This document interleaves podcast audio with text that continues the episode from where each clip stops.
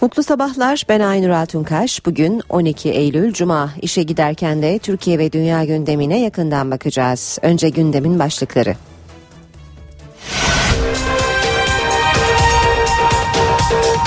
Amerika Birleşik Devletleri Dışişleri Bakanı John Kerry bugün Ankara'da olacak.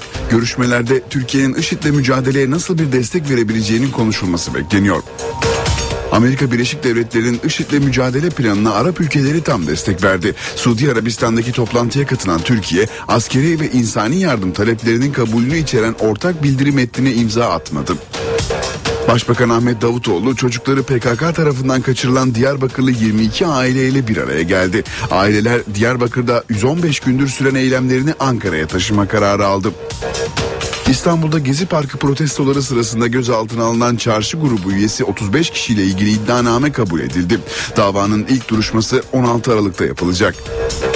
İngiltere ve İskoçya'nın kaderini belirleyecek olan 18 Eylül bağımsızlık referandumu beklenirken İspanya'da da ayrılık rüzgarları şiddetleniyor. Basketbolda Dünya Kupası'nda ilk finalist Litvanya'yı 96-68 yenen Amerika Birleşik Devletleri oldu. Diğer finalist bu akşam oynanacak Sırbistan-Fransa maçının galibi olacak. İşe giderken gazetelerin gündemi.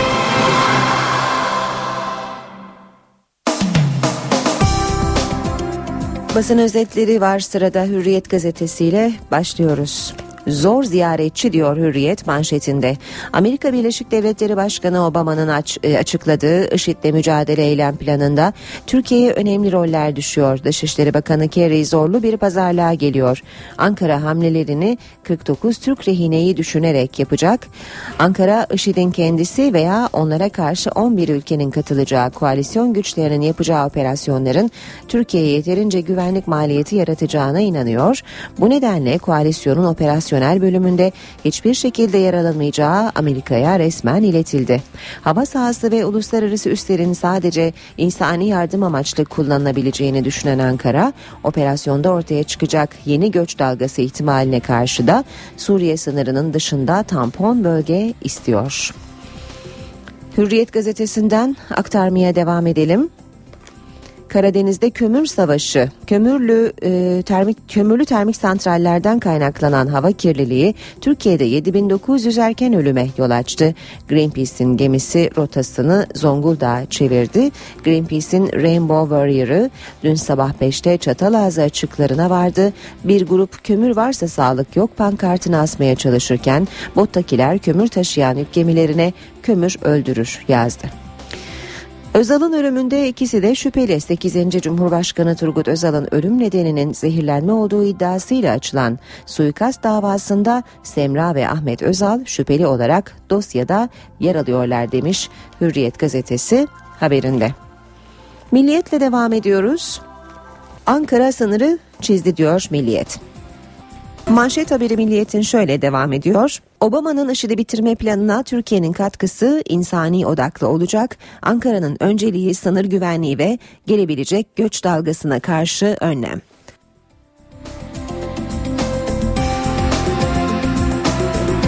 Yine e, Milliyet gazetesinden aktaralım. Yalova taşıma suyla dönüyor diyor Milliyet. Kurumak üzere olan Yalova Barajı kente su sağlamada etkinliğini yitirdi. Su kesintileri nedeniyle kent halkı taşıma suyla ihtiyaçlarını gideriyor. Kuaförler, restoranlar ve birçok işletme marketlerden aldıkları sularla müşterilerine hizmet veriyor. Milliyet'in e, birinci sayfasından haberlere devam ediyoruz. Diplomatik magandalık diyor Milliyet bir diğer başlıkta. Pilot Yarbay Hakan Karakuş, Kuveyt Büyükelçiliğine ait arabadaki kişilerle trafikte tartıştı, öldüresiye dövüldü. Ankara'daki olayda Kuveyt Büyükelçiliğinde görevli Emat Ali Muhayit de Türk şoförü Karakuş'a eşinin ve 6 günlük çocuğunun gözü önünde saldırdı diyor Milliyet haberinde. Zamanlama manidar 12 Eylül'ün yıl dönümünde işkence davası zaman aşımı gerekçesiyle reddedildi. Karar darbeyle ilgili tüm davaları etkileyebilecek. 12 Eylül döneminde tutuklanan Hasan Kaplan'a işkence yaptıkları gerekçesiyle yargılanan iki askerin Amasya'daki davasında 15 yıl geçtiği gerekçesiyle red kararı geldi deniyor haberin ayrıntılarında. Sabah gazetesiyle devam ediyoruz. HSYK seçiminde paralel mobbing diyor sabah manşette. Gülen örgütünün yargı üzerindeki vesayetini sürdürmek için kurduğu son e, kirli tezgahı Yargıtay Hakimi Abdullah Yaman deşifre etti. Paralel yapı HSYK seçimlerinde muhtelif sağ gruplardan gelen diğer adayların her türlü ayak oyunlarıyla yedeğe çekilmesini sağladı. Bunlardan bazılarının desteğini de devşirdi diye devam ediyor sabah haberine. Önce mal mı can mı? Çalışma Bakanı Faruk Çelik asansör katliamı ile ilgili çok sert eleştirilerde bulundu. Siz işi daha ucuza yaptırmak için taşeronluk sistemini acımasız bir şekilde kullanarak insanları adeta köleleştirerek bir uygulama içerisine girerseniz çok kazanma hırsıyla bütünleşen bu anlayış ister istemez güvenliği ikinci derecede bırakmaktadır dedi Faruk Çelik. Geçelim Cumhuriyet'e. Kupon araziyi garantiye aldı demiş e, Cumhuriyet gazetesi haberinde. Neden habersiz sattınız dediği arazi AKP'li belediyede. AKP iktidarının torba yasayla CHP'li belediyeden alıp AKP'li belediyeye bağladığı, üzerinde finans merkezinin yükseldiği Ataşehir'deki Barbaros Mahallesi'nin bir özelliği daha ortaya çıktı. Erdoğan'ın dönemin TOKİ Başkanı Ahmet Haluk Karabel'e kendisinden habersiz sattığı için kızdığı kupon arazi bu mahallede bulunuyor demiş Cumhuriyet gazetesi haberinde. Karada sadece Kürtler var. Amerika IŞİD'i havadan bombalayacak. Obama IŞİD'i operasyonu Irak'tan Suriye'ye yayacağını duyurdu. Yeni stratejisini hava saldırıları ve nokta operasyonları olarak açıklayan Obama, karada ise müttefiklerini işaret etti. Cidde'de 10 Arap ülkesi Amerika'nın planına evet dedi ancak Kerry'e göre kimse karada olmayacak.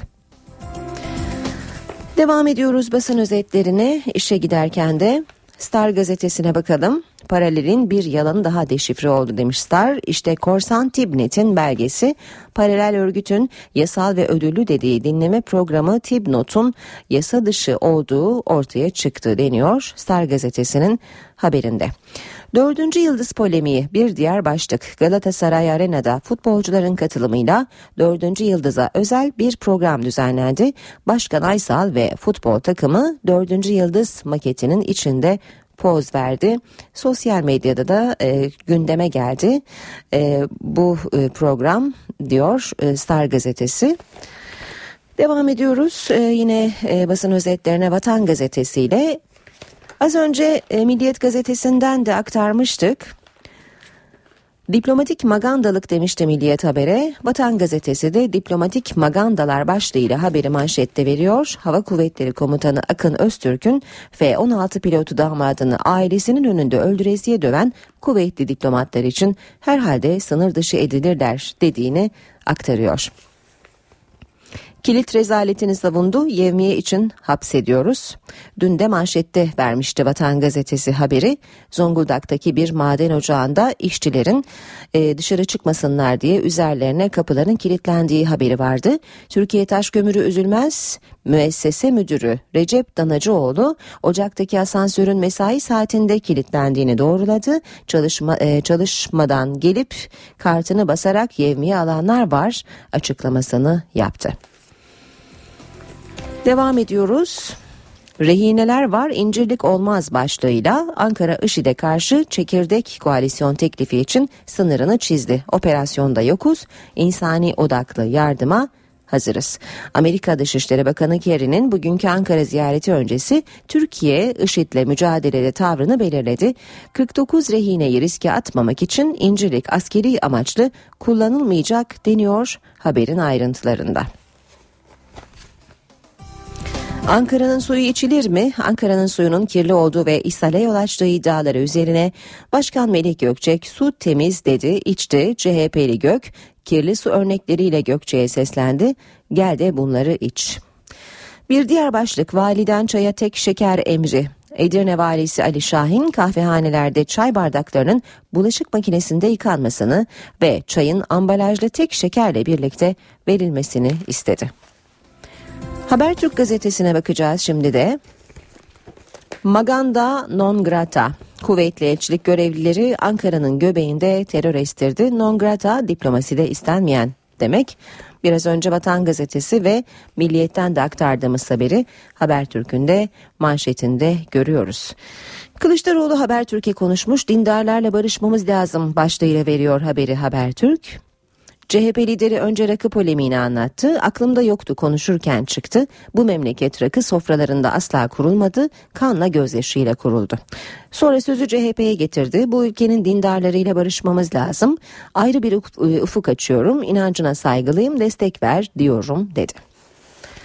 Yine Habertürk'ten bir başlık deprem İstanbul'a 8 kilometre uzakta 7 üstü MIT ve Kandilli, e, MIT ve e, Kandilli 20 yıllık verilerle bu sonuca vardı.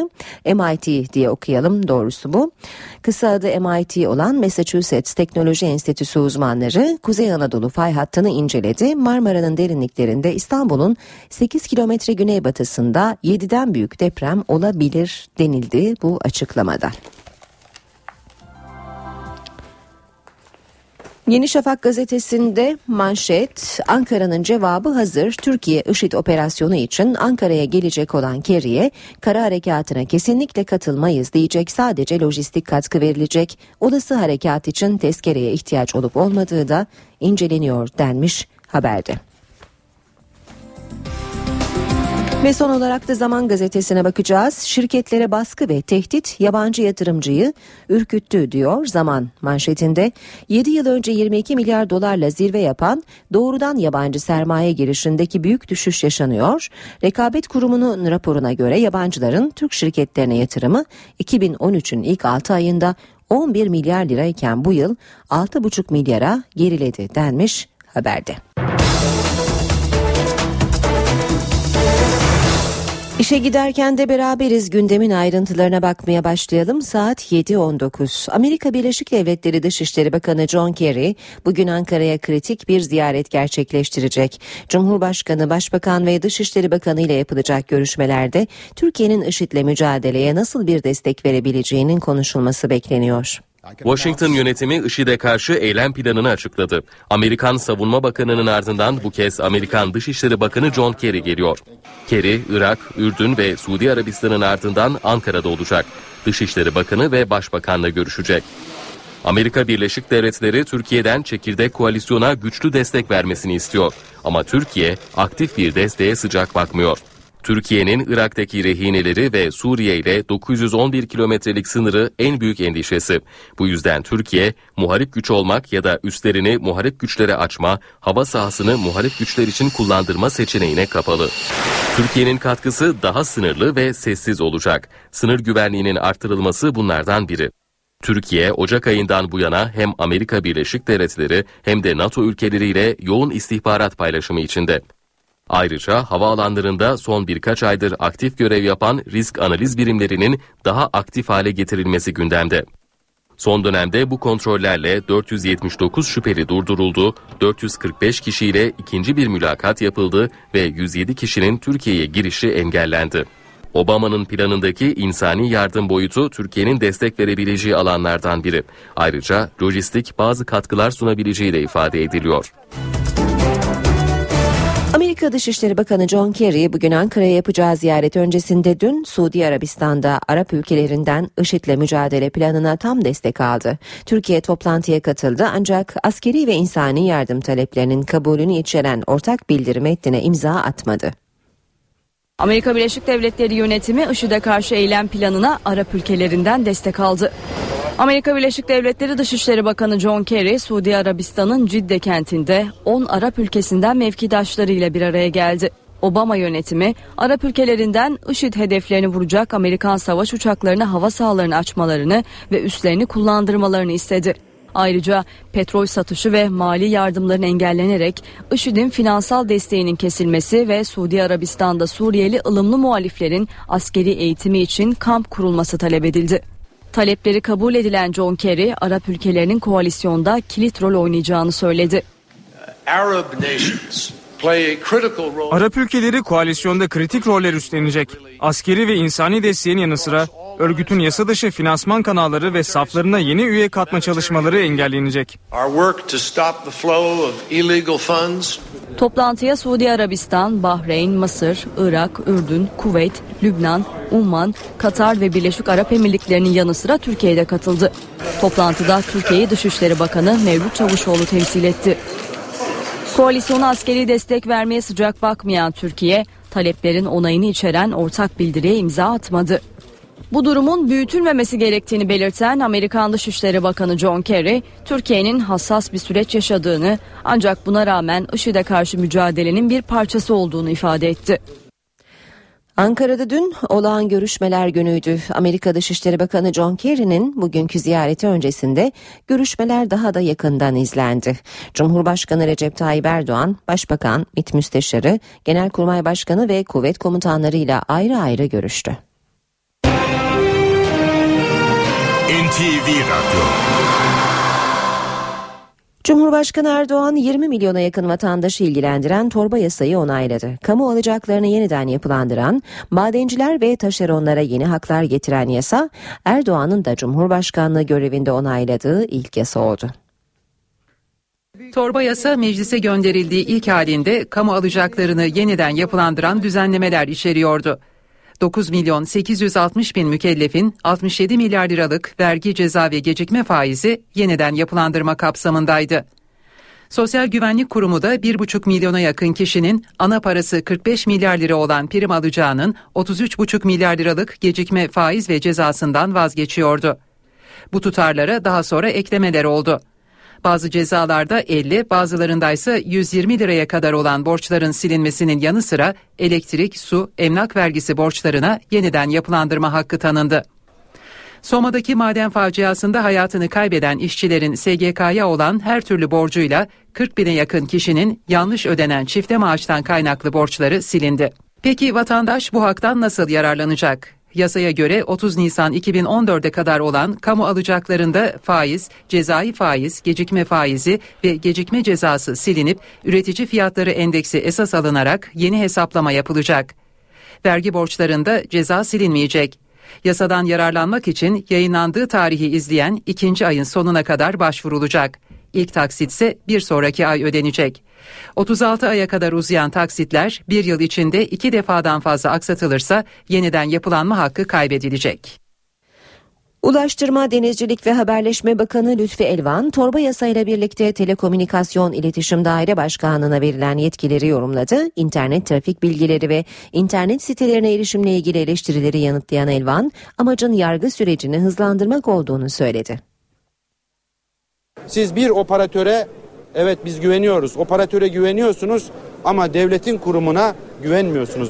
Telekomünikasyon İletişim Başkanlığı'na yönelik fişleme eleştirilerine Ulaştırma, Denizcilik ve Haberleşme Bakanı Lütfi Elvan yanıt verdi. Elvan, kullanıcıların hangi adresleri ziyaret ettiği, sitelerin içeriği gibi bilgilerin bundan böyle tip tarafından saklanacağını söyledi. Herhangi bir şahıs ne zaman telefon açmış, kiminle görüşmüş, ne kadar görüşmüş. Bu bilgiler ve internetinle ilgili hangi siteye ulaştığıyla bilgi, ilgili bilgiler operatörlerde bulunuyor zaten. Bakan Elvan, hedefin yargı sürecini hızlandırmak olduğunu söyledi. Mahkemelerden talep geliyor.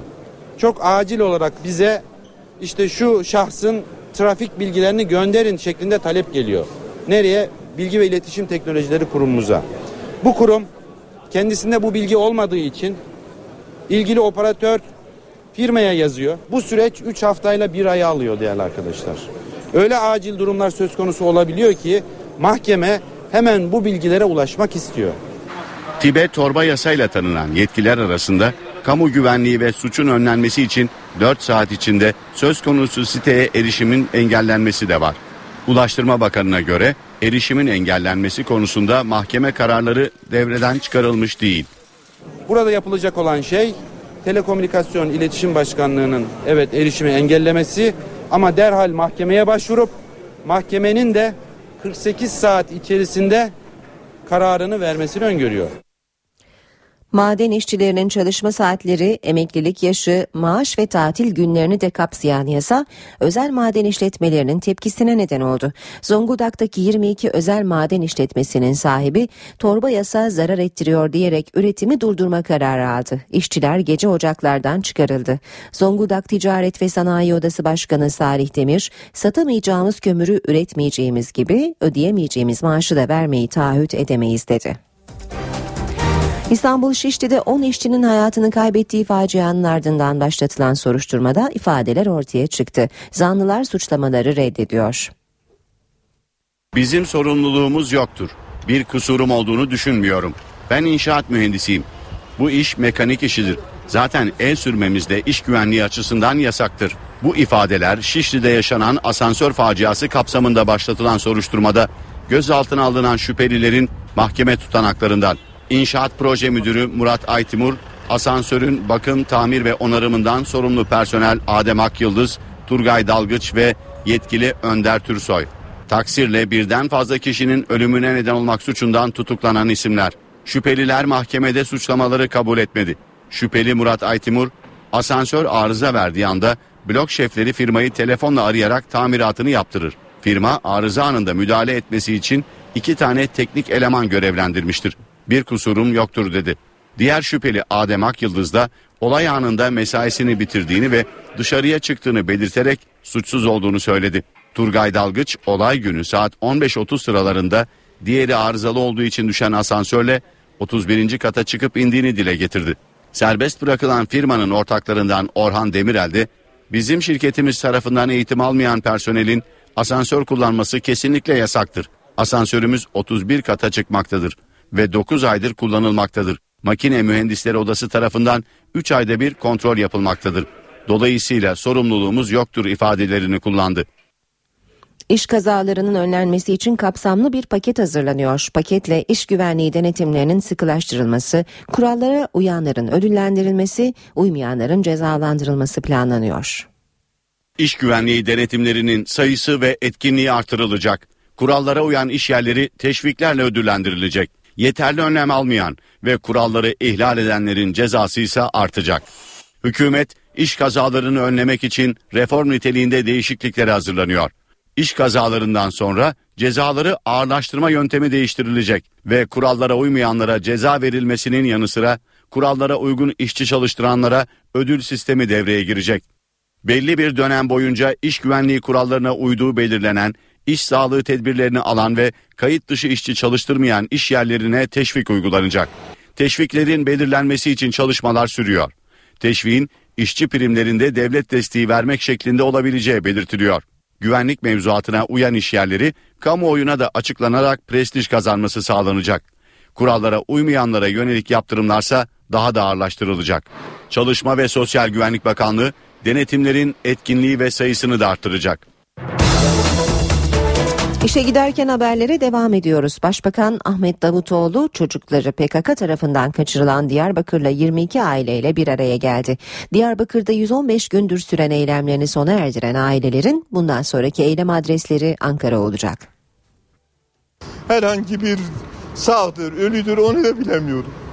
Dağ Kapı meydanında 115. güne e, eylemimizi devam ettik çocuklarımız için. Biz çocuklarımızı almayana kadar da Ankara'yı terk edip de gitmiyoruz. Çocukları PKK tarafından kaçırılan aileler bir kez daha Ankara'da. Üstelik bu kez Diyarbakır'daki eylemlerini noktaladıklarını, bundan sonra eylemin yeni adresinin Ankara olacağını açıkladılar. İdare edecek gücümüz var. Biz burada kendi e, imkanlarımızla da idare ediyoruz. Biz evladımız için malımızı, canımızı, her şeyimizi ortaya koyacağız. Çocuklarına kavuşmak için çözüm arayan 22 Diyarbakırlı aile AK Parti Genel Merkezi'ndeki görüşmeleri sonrası yaptılar bu açıklamayı. Aileler Başbakan Ahmet Davutoğlu ve AK Parti yöneticileriyle görüştü. O görüşmeden önce de aileler kameraların karşısındaydı. Yani herkes kendini bizim yerimize koysun. Allah rızası için. Yani ben bunu dünyaya, Türkiye'ye, herkese sesleniyorum. Kimin elinde ne geliyorsa. Biz evlatlarımızı istiyoruz. Biz başka hiçbir şey istemiyoruz ki. Bütün annelerin çocuklarının e, bulunmasını istiyorum. Burada e, gözyaşlarının dökmesini istemiyorum. Hepsinin çocuklarını alıp evlerine gitmesini istiyorum. Abim de istiyor. AK Parti'den önce de belediye ve özel idare çalışanları Birliği Sendikası'nı ziyaret eden Diyarbakırlı aileler Cumhurbaşkanı Recep Tayyip Erdoğan'dan da randevu istedi. Avrupa Birliği Bakanı ve Baş Müzakereci Volkan Bozkır paralel yapılanmaları kastederek Türkiye'nin bir vesayet rejiminden kurtulduktan sonra başka tehditlerin gölgesinde geleceğini planlayamayacağını söyledi. Açıklamayı Portekiz'de yapan Bozkır, Türkiye'deki sıkıntıyı yaratan mekanizmaların ıslah edilmesi mecburiyeti vardır dedi. Türkiye bir vesayet rejiminden kurtulduktan sonra başka bir tehdit unsurunun gölgesinde geleceğini planlayamaz. Avrupa Birliği Bakanı ve Baş Müzakereci Volkan Bozkır, Portekiz ziyareti sırasında paralel yapı ile ilgili bu değerlendirmede bulundu. Türkiye'deki sıkıntıyı yaratan, kargaşaların arkasında olan mekanizmaların ıslah edilmesi mecburiyeti vardır diyen Bozkır, Avrupa Birliği'nin paralel yapıyla mücadeleyi anlamakta zorlanabileceğini söyledi. Avrupa Birliği belki bunu kolay anlayamaz çünkü böyle bir sıkıntıyla karşılaşmamış ülkelerin bunu anlaması e, mümkün değildir. Anlatmaya çalışacağız. Sonbaharda yayınlanacak Avrupa Birliği ilerleme raporunda Türkiye'ye yönelik bazı eleştiriler olabileceğini kaydeden Volkan Bozkır, eleştiri üslubunun yapıcı olması gerektiğini vurguladı. Avrupa Birliği'nden vize muafiyeti sürecinde de olumlu sinyaller beklediklerini söyleyen Bakan Bozkır, geri kabul anlaşmasının uygulamaya girmesinin ardından 6 ay içinde vizelerin kaldırılmaması halinde anlaşmanın askıya alınacağını ifade etti. Bozkır, Kıbrıs sorununun çözülmesi halinde Türkiye'nin 10 faslı 2-3 ayda açıp kapatabileceğini söyledi. Avrupa Birliği'nde lokomotif ülke Almanya'dır. Şayet Kıbrıs sorunu çözülürse Almanya ile biz yüz yüze kalacağız. Ben böyle bir ortamdan Türkiye'nin çok daha kazançlı çıkacağını düşünüyorum. Türkiye'nin çalışmalarını sürdürdüğünü kaydeden baş müzakereci Bozkır, 2016 yılı ortalarında Avrupa Birliği'ne hazır hale geleceğiz dedi. Ankara'da kuvvet elçiliğinde görevli diplomatlar tartıştıkları F-16 pilotu Yerbay Hakan Karakuş'u cadde ortasında dövdü. Olayın ardından bir banka şubesine giren elçilik çalışanlarına çevredekiler tepki gösterdi. Yerbay Karakuş'un Hava Kuvvetleri Komutanı'nın damadı olduğu öğrenildi. Ankara'da Kuveyt Büyükelçiliği görevlileriyle F-16 pilotu Yarbay Hakan Karakuş'un tartışması kavgaya dönüştü. Elçilik görevlileri tartıştıkları pilot Karakuş'u cadde ortasında dövdü. Hava Kuvvetleri Komutanı Orgeneral Akın Öztürk'ün damadı olan Karakuş'un yanında eşi ve çocukları vardı. Arkadaş bir kişi e, eşi ve çocukları yanında Türk olan arkadaş. Bu kuvvetliymiş galiba sonradan öğrendiğimiz Arap olanlar dört kişi kasıtlı olarak bir kişi yere yatırıyor diğer üçü suratını tekmeliyor. Öldürmeye çalıştılar arkadaşı. Dövmek falan değil. Hanımefendi şey Çevredekiler olaya müdahale etti. Yaralı pilot hastaneye kaldırıldı. Elçilik görevlileri ise bir banka şubesine sığındı. Artık bizim ülkemizde sırf dokunulmazlık adı altında bunları bize yapan insanlara gereğini yapın. Olayı görenler de banka şubesinin önünde beklemeye başladı. Elçilik görevlilerinin çıkarılması için polisin önlem almasına tepki gösterdiler. Devletin polisi gelmiş değil mi? Devletin polisi bıraksın de bir... Biz size bir şey dediğimiz ya. Türk Cumhuriyeti'ne bu mu ya? Elçilik görevlileri hemen polis aracına bindirilerek karakola götürüldü. Olayın ardından hem Genelkurmay hem Dışişleri harekete geçti. Kuveyt elçiliğinden ayrıntılı bilgi istendi. Amerika Birleşik Devletleri Dışişleri Bakanı John Kerry bugün Ankara'ya kritik bir ziyaret gerçekleştirecek. Cumhurbaşkanı, Başbakan ve Dışişleri Bakanı ile yapılacak görüşmelerde Türkiye'nin IŞİD'le mücadeleye nasıl bir destek verebileceğinin konuşulması bekleniyor. Washington yönetimi IŞİD'e karşı eylem planını açıkladı. Amerikan Savunma Bakanı'nın ardından bu kez Amerikan Dışişleri Bakanı John Kerry geliyor. Kerry, Irak, Ürdün ve Suudi Arabistan'ın ardından Ankara'da olacak. Dışişleri Bakanı ve Başbakan'la görüşecek. Amerika Birleşik Devletleri Türkiye'den çekirdek koalisyona güçlü destek vermesini istiyor. Ama Türkiye aktif bir desteğe sıcak bakmıyor. Türkiye'nin Irak'taki rehineleri ve Suriye ile 911 kilometrelik sınırı en büyük endişesi. Bu yüzden Türkiye muharip güç olmak ya da üstlerini muharip güçlere açma, hava sahasını muharip güçler için kullandırma seçeneğine kapalı. Türkiye'nin katkısı daha sınırlı ve sessiz olacak. Sınır güvenliğinin artırılması bunlardan biri. Türkiye Ocak ayından bu yana hem Amerika Birleşik Devletleri hem de NATO ülkeleriyle yoğun istihbarat paylaşımı içinde. Ayrıca havaalanlarında son birkaç aydır aktif görev yapan risk analiz birimlerinin daha aktif hale getirilmesi gündemde. Son dönemde bu kontrollerle 479 şüpheli durduruldu, 445 kişiyle ikinci bir mülakat yapıldı ve 107 kişinin Türkiye'ye girişi engellendi. Obama'nın planındaki insani yardım boyutu Türkiye'nin destek verebileceği alanlardan biri. Ayrıca lojistik bazı katkılar sunabileceği de ifade ediliyor. John Kerry bugün Ankara'ya yapacağı ziyaret öncesinde dün Suudi Arabistan'da Arap ülkelerinden IŞİD'le mücadele planına tam destek aldı. Türkiye toplantıya katıldı ancak askeri ve insani yardım taleplerinin kabulünü içeren ortak bildirim metnine imza atmadı. Amerika Birleşik Devletleri yönetimi IŞİD'e karşı eylem planına Arap ülkelerinden destek aldı. Amerika Birleşik Devletleri Dışişleri Bakanı John Kerry, Suudi Arabistan'ın Cidde kentinde 10 Arap ülkesinden mevkidaşlarıyla bir araya geldi. Obama yönetimi Arap ülkelerinden IŞİD hedeflerini vuracak Amerikan savaş uçaklarını hava sahalarını açmalarını ve üslerini kullandırmalarını istedi. Ayrıca petrol satışı ve mali yardımların engellenerek IŞİD'in finansal desteğinin kesilmesi ve Suudi Arabistan'da Suriyeli ılımlı muhaliflerin askeri eğitimi için kamp kurulması talep edildi. Talepleri kabul edilen John Kerry, Arap ülkelerinin koalisyonda kilit rol oynayacağını söyledi. Arab nations Arap ülkeleri koalisyonda kritik roller üstlenecek. Askeri ve insani desteğin yanı sıra örgütün yasa dışı finansman kanalları ve saflarına yeni üye katma çalışmaları engellenecek. Toplantıya Suudi Arabistan, Bahreyn, Mısır, Irak, Ürdün, Kuveyt, Lübnan, Umman, Katar ve Birleşik Arap Emirlikleri'nin yanı sıra Türkiye'de katıldı. Toplantıda Türkiye'yi Dışişleri Bakanı Mevlüt Çavuşoğlu temsil etti. Koalisyona askeri destek vermeye sıcak bakmayan Türkiye, taleplerin onayını içeren ortak bildiriye imza atmadı. Bu durumun büyütülmemesi gerektiğini belirten Amerikan Dışişleri Bakanı John Kerry, Türkiye'nin hassas bir süreç yaşadığını ancak buna rağmen IŞİD'e karşı mücadelenin bir parçası olduğunu ifade etti. Cumhurbaşkanı Recep Tayyip Erdoğan 20 milyona yakın vatandaşı ilgilendiren torba yasayı onayladı. Kamu alacaklarını yeniden yapılandıran, madenciler ve taşeronlara yeni haklar getiren yasa Erdoğan'ın da Cumhurbaşkanlığı görevinde onayladığı ilk yasa oldu. Torba yasa meclise gönderildiği ilk halinde kamu alacaklarını yeniden yapılandıran düzenlemeler içeriyordu. 9 milyon 860 bin mükellefin 67 milyar liralık vergi ceza ve gecikme faizi yeniden yapılandırma kapsamındaydı. Sosyal Güvenlik Kurumu da 1,5 milyona yakın kişinin ana parası 45 milyar lira olan prim alacağının 33,5 milyar liralık gecikme faiz ve cezasından vazgeçiyordu.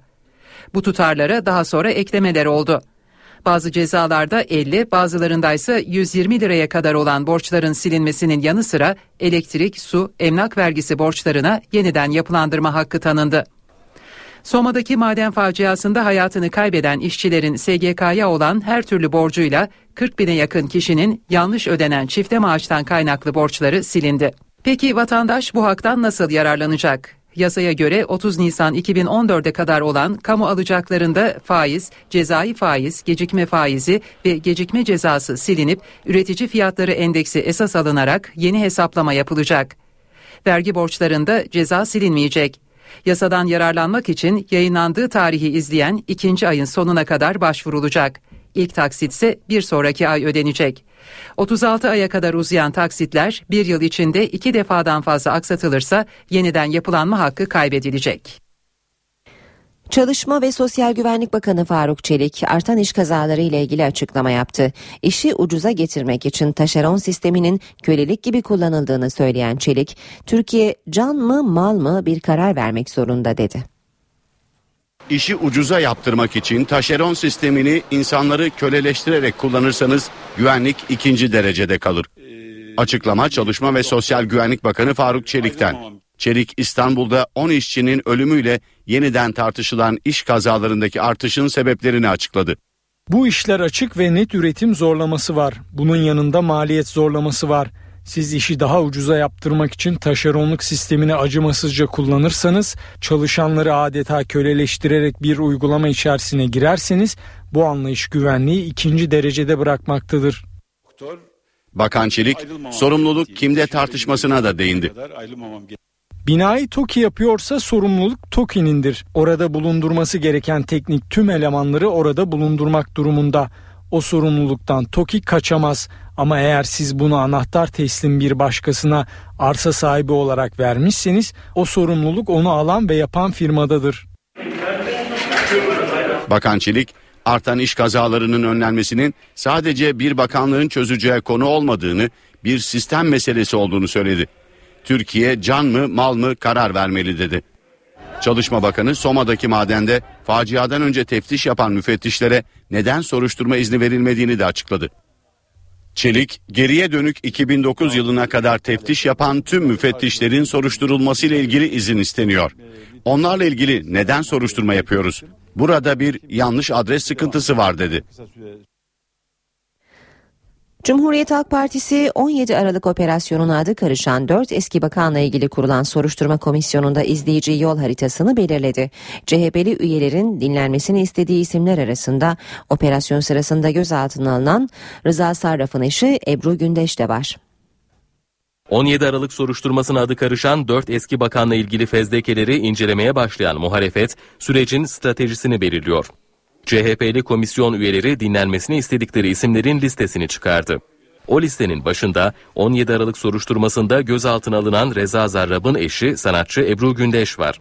Gündeş'e 17 Aralık öncesi ve sonrası sorulacak.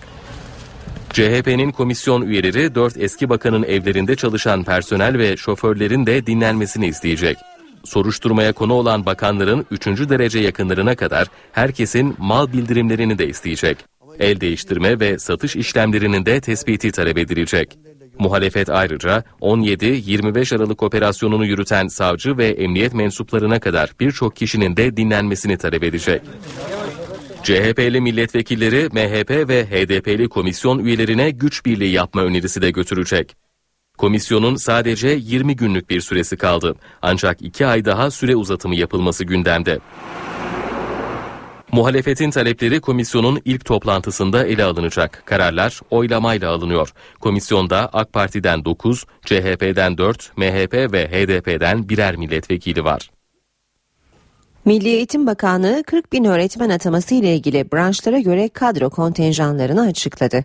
Bakanlığın internet sitesinden yapılan açıklamayla 40 bin öğretmenin kaçının hangi branşlara atanacağı belli oldu. Milli Eğitim Bakanlığı 40 bin öğretmen atamasına ilişkin branş kontenjanlarını açıkladı. Atamalarda en çok kadro 6152 kontenjanla sınıf öğretmenliğine ayrıldı. Sınıf öğretmenliğine 3931 kontenjan İngilizce öğretmenliği, 3405 kontenjan din kültürü ve ahlak bilgisi öğretmenliği, 2426 kontenjan ilköğretim matematik öğretmenliği ve 2902 kontenjan rehberlik öğretmenliği takip etti. 40 binlik kontenjanın 39.440'ı ilk atamaya ayrılırken 400'ü kurumlar arası yeniden atamaya, 160'ı ise milli sporculara ayrıldı. Elektronik ortamda gerçekleştirilecek atamalara ilişkin başvurular 12-18 Eylül tarihlerinde alınacak. Adaylar başvurularını Milli Eğitim Bakanlığı'nın internet sitesinden yapacak. NTV Radyo Ankara Büyükşehir Belediye Başkanı Melih Gökçek Ankara'nın suyu kirli iddiasını yalanladı. Gökçek belgeleri gösterdi ardından da basın toplantısında arıtılmış şebeke suyunu içti. Cumhuriyet Halk Partilerinin onuruna. Şebeke suyu kirli, ishale neden oluyor iddialarına Ankara Büyükşehir Belediye Başkanı Melih Gökçek arıtılmış şebeke suyu içerek yanıt verdi. Bunun içindeki su ne suyu biliyorsunuz değil mi? Şebeke suyu. Gökçek iddiaları yalanlamak için canlı yayında analizde yaptı. Ankara şebeke suyunun ASKİ tarafından günde 40 kez analiz edildiğini söyleyen Gökçek, Halk Sağlığı Kurumu'nun raporuyla suyun ishale neden olmadığının tespit edildiğini belirtti. Gökçek musluklardan akan sarı renkli suyun evlerdeki bakımsız tesisatlardan kaynaklandığını söyledi.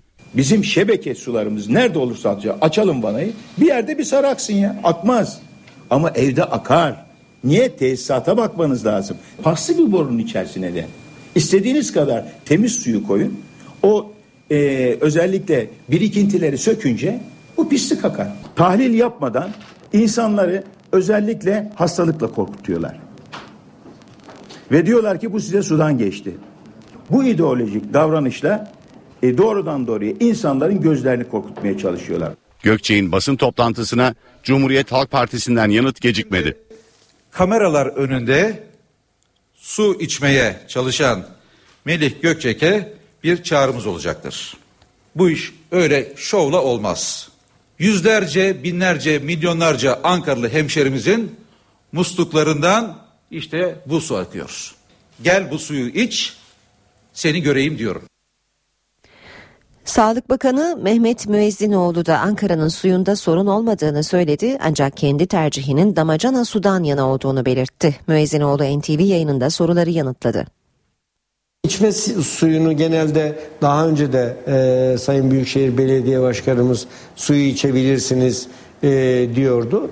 Bu anlamda tabii Ankaralı dün su, ne kadar musluk suyu içiyordu, bugün onu azalttı mı azaltmadı mı onu bilmiyorum. Ama bu sürede kokusu ve rengi dışında Ankara suyunda e, bir sorun olmadığını rahatlıkla söyleyebilirim. Evet. Ve ne yazık ki tüketmiyor. Damarcana suyu tüketiyor. İzmir'deki bağırsak enfeksiyonları son 15 günde Ankara'ya göre daha yüksek. Ama bu bir, herhangi bir bulaşıcılıktan kaynaklanan ne İzmir için ne Ankara için ne Türkiye geneli için böyle bir şey söylemiyorum. Çünkü mevsim değişikliğine bağlı olarak şu son 15 gündür bir üst solunum yolu enfeksiyonlarında grip, nezle gibi üst solunum e, yolu enfeksiyonlarında mevsimsel bir artış var ki geçen yıla göre yine olağan ve normal. Bağırsak enfeksiyonlarında da iki gün kadar süren bağırsak enfeksiyonlarında da Türkiye genelinde olağan dışı olmayan bir hafif artış var. Müezzinoğlu İstanbul Göztepe'de 7 sağlık çalışanında görülen uyuz vakasının salgın olarak değerlendirilemeyeceğini de söyledi. Vakaların sadece sağlık çalışanlarıyla sınırlı olduğunu anlattı. Ekonomi gündeminden haberlerle devam edelim işe giderkene. Merkez Bankası Başkanı Erdem Başçı enflasyondaki düşüşün gıda fiyatlarındaki dalgalanmanın sona ermesiyle başlayacağını söyledi. Başçı dolardaki yükseliş için de daha önce nasıl kontrol altına aldıysak gerektiğinde yine aynı şeyi yaparız dedi. Merkez Bankası Başkanı Kastamonu Ticaret ve Sanayi Odası'ndaki konferansta para politikaları konulu sunum yaptı. Başçının gündeminde yine gıda fiyatları vardı. Özellikle gıda enflasyonunda e, bir irade e, söz konusu hükümet tarafından. E, Ekonomi Koordinasyon Kurulu biliyorsunuz pazartesi günü bir toplantı yaptı ve gıda ile ilgili hem yapısal hem konjonktürel alınması gereken çok sayıda tedbir var. Hem ürün piyasalarında istikrar hem çiftçi gelirinde istikrar ikisi birden sağlanacak. Gıda enflasyonunu e, çözmemiz bize çok yardımcı olacak. Başçı, gelişmiş ülkelerdeki döviz kuru oynaklığının gelişmekte olan ülkelere göre daha yüksek olduğunu aktararak dalgalanmalar artarsa elimizde yeterli araç var dedi. Türk lirasının değer kaybı halinde Merkez Bankası elinde e, çok kuvvetli araçlarla devreye girerek bunu kontrol altına alabiliyor. Ocak ayının sonunda bunu gösterdik. Gerekirse gene yaparız. Hiç çekinmeden bunu yaparız. Eğer herhangi bir tedirginlik olursa o tedirginliği giderebiliriz. Politika faizini Merkez Bankası arttırdığı zaman döviz kuru üzerinde e, kesinlikle bir etki yapıyor. Onu gördük hep birlikte. Azalttığı zaman da döviz kuru üzerinde ters bir etki yapabilir. Yani çok sert biz bir faizlerden indirim yapsak e, vatandaşlar Türk lirası yerine dövize dönerler. Yurt dışı e, yatırımcılar da benzer şekilde e, davranabilirler ve dolayısıyla orada bir arzu edilmeyen enflasyon üzerine e, arttırıcı etki olabilir. İkinci çeyrek büyüme hızındaki yavaşlamaya da değinen başçı, yılın son çeyreğine doğru büyüme hızının toparlanmasını beklediğini söyledi. Saat 8.30 son yarım saate giriyoruz. Gündemdeki başlıkları önce hatırlayalım ardından başkent gündemine bakacağız.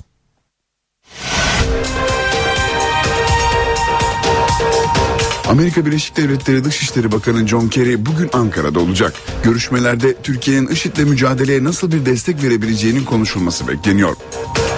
Amerika Birleşik Devletleri'nin IŞİD'le mücadele planına Arap ülkeleri tam destek verdi. Suudi Arabistan'daki toplantıya katılan Türkiye, askeri ve insani yardım taleplerinin kabulünü içeren ortak bildiri metnine imza atmadı.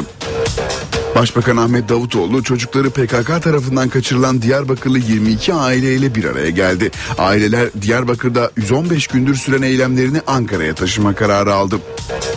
İstanbul'da Gezi Parkı protestoları sırasında gözaltına alınan çarşı grubu üyesi 35 kişiyle ilgili iddianame kabul edildi. Davanın ilk duruşması 16 Aralık'ta yapılacak. İngiltere ve İskoçya'nın kaderini belirleyecek olan 18 Eylül bağımsızlık referandumu beklenirken İspanya'da da ayrılık rüzgarları şiddetleniyor. Basketbolda Dünya Kupası'nda ilk finalist Litvanya'yı 96-68 yenen Amerika Birleşik Devletleri oldu. Diğer finalist bu akşam oynanacak Sırbistan-Fransa maçının galibi olacak. Ve şimdi başkent gündemine bakacağız. Karşımızda Özden Erkuş var. Özden. Aynı Ankara'da dün devletin zirvesinde IŞİD konuşulmuştu. Cumhurbaşkanı Erdoğan, Başbakan MİT Müsteşarı, Genelkurmay Başkanı ve kuvvet komutanlarıyla IŞİD'i görüşmüştü. Bugün yine IŞİD konuşulacak Ankara'da ama bu kez önemli bir konukla. ABD Dışişleri Bakanı John Kerry Ankara'da önemli temaslarda bulunacak. Geçtiğimiz Cuma günü NATO zirvesinde Cumhurbaşkanı Erdoğan ve Obama görüşmesiyle birlikte üçüncü üst düzey temas olacak bu ziyaret. ABD Savunma Bakanı Chuck Hagel geçtiğimiz pazartesi Ankara'daydı. Onun ziyaretinden 4 gün sonra bu kez Dışişleri Bakanı John Kerry başkentte olacak. Kerry IŞİD'le mücadeleye destek bulmak için Irak ve Ürdün'ü ziyaret etmiş ve dün son olarak Suudi Arabistan'da IŞİD'e yönelik askeri operasyon konusunda düzenlenen zirvede Suudi Arabistan, Irak, Mısır, Katar, Ürdün ve Lübnan'dan aradığı desteği bulmuştu. Ancak zirveye katılan Türkiye askeri operasyon destek ifadeleri içeren ortak bildiri metnini imzalamadı. ABD Dışişleri Bakanı Türkiye'den beklediği desteği alabilmek için Ankara'da olacak. Kerry ilk olarak Dışişleri Bakanı Mevlüt Çavuşoğlu ile bir araya gelecek. Dışişleri Bakanı ile görüşmesinin ardından Kerry köşke çıkarak Cumhurbaşkanı Recep Tayyip Erdoğan tarafından kabul edilecek ve akşam saatlerinde ise Başbakanlık Merkez Bina'da Başbakan Ahmet Davutoğlu ile de bir görüşme gerçekleştirecek. Görüşmelerde Türkiye'nin koalisyon içinde yer alıp almayacağı, yer alırsa nasıl adımlar atacağı konuşulacak. Türkiye aktif katkıya sıcak bakmıyor. IŞİD'in alıkoyduğu Türk vatandaşlarının can güvenliği, IŞİD'le çatışan gruplara verilecek silahların terör örgütlerinin eline geçmesi gibi kaygılar Türkiye'nin en önemli endişeleri. Türkiye bu nedenle muhalif güç olma ya da NATO üslerini muhalif güçlere açma, hava sahasına operasyonları gerçekleştirecek savaş uçaklarına ve İHA'lara açmak gibi seçeneklere kapalı. Türkiye'nin katkısının sınırlı olması bekleniyor bu kapsamda. IŞİD'e katılmak için Türkiye topraklarını kullanan yabancı savaşçıların geçişlerinin engellenmesi, bu yönde alınacak tedbirlerin artırılması ve insani yardım gibi başlıklarda Türkiye'nin destek verebileceği belirtiliyor. İşte tüm bu kritik başlıklar Semih'in Çavuşoğlu, Erdoğan ve Davutoğlu ile gerçekleştireceği görüşmelerde ele alınacak. Bu önemli ziyaret dışında da yoğun bir gün bekliyor Ankara'yı. Cumhurbaşkanı Erdoğan'ın kabulüyle başlayalım. Erdoğan Bulgaristan Hak ve Özgürlükler Hareketi lideri Lütfi Mestan'ı kabul edecek. Başbakan Ahmet Davutoğlu'nun da mesaisi yoğun bugün. Başbakanlıkta TÜSİAD Başkanı Haluk Günçer'i kabul edecek Davutoğlu. Bu görüşmenin ardından Çalışma ve Sosyal Güvenlik Bakanlığı'nda briefing alacak. Öğleden sonra ise önemli bir zirveye katılacak Başbakan. Çalışma ve Sosyal Güvenlik Bakanlığı'nda işçi ve işveren örgütlerinin temsilcileriyle iş güvenliği zirvesinde yer alacak Ahmet Davutoğlu. Zirvede iş kazalarının önüne geçilebilmesi için alınacak önlemler ve işçi güvenliği masaya yatırılacak. Davutoğlu zirve sonrası kameraların karşısına geçerek bir değerlendirme yapacak. Ankara'da ekonomiyi yakından ilgilendiren bir basın toplantısı da var bugün. Ekonomi Bakanı Nihat Zeybekçi büyüme ve cari açık rakamlarını değerlendirecek. Başbakan Yardımcısı Yalçın Akdoğan ise Başbakanlıkta medya sektörü temsilcileriyle bir araya gelecek. Oradan gelecek mesajlar da Ankara'da dikkatle takip edilecek. Bugün başkentte gündemde öne çıkan başlıklar böyle olacak. NTV Radyo Saat 8.43 dünyadan haberler var bu bölümümüzde.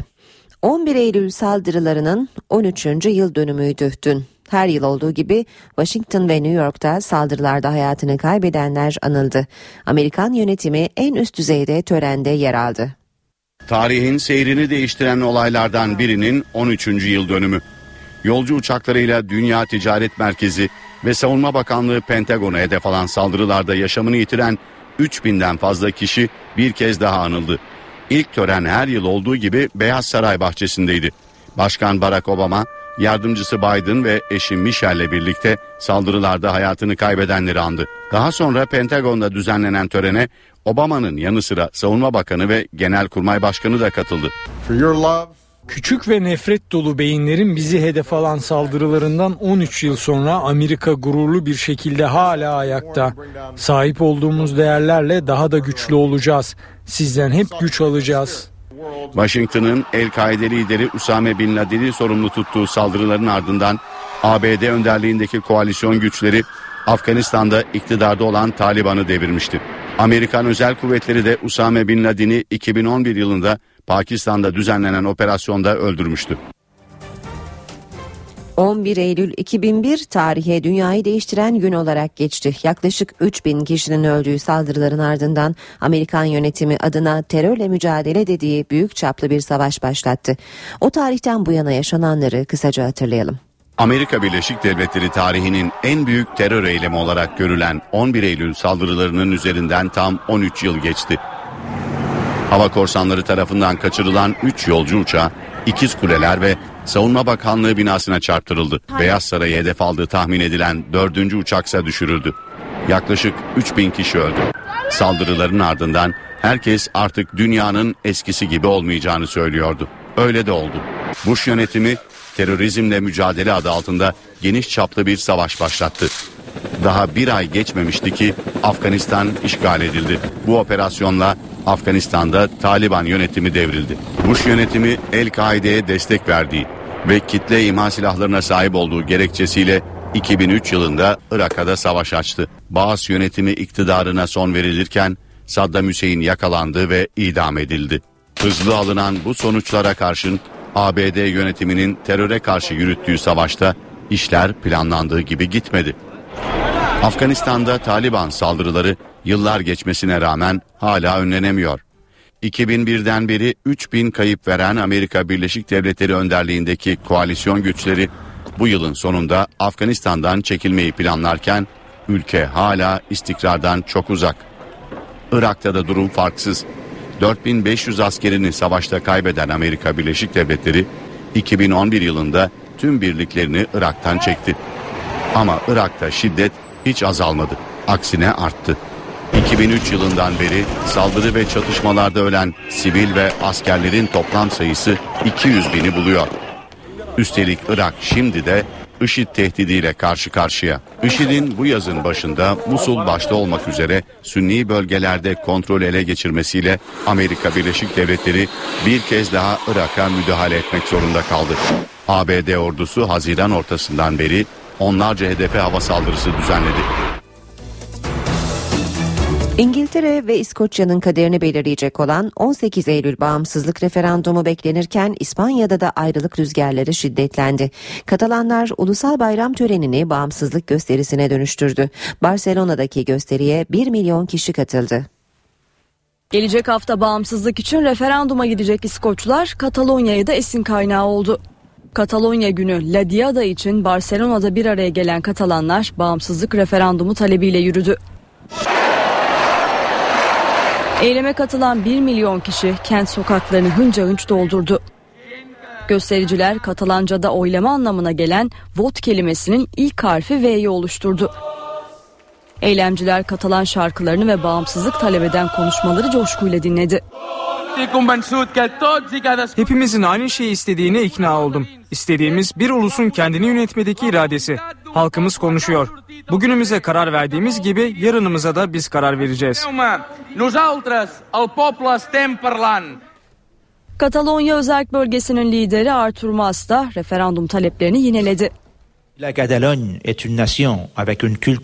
Katalonya kendine ait dili, kültürü ve tarihi olan bir bölge ise Dahası halkın çoğunluğu kendi kaderini tayin etmek istiyorsa neden biz de Danimarka ya da Avusturya gibi bir ülke olmayalım?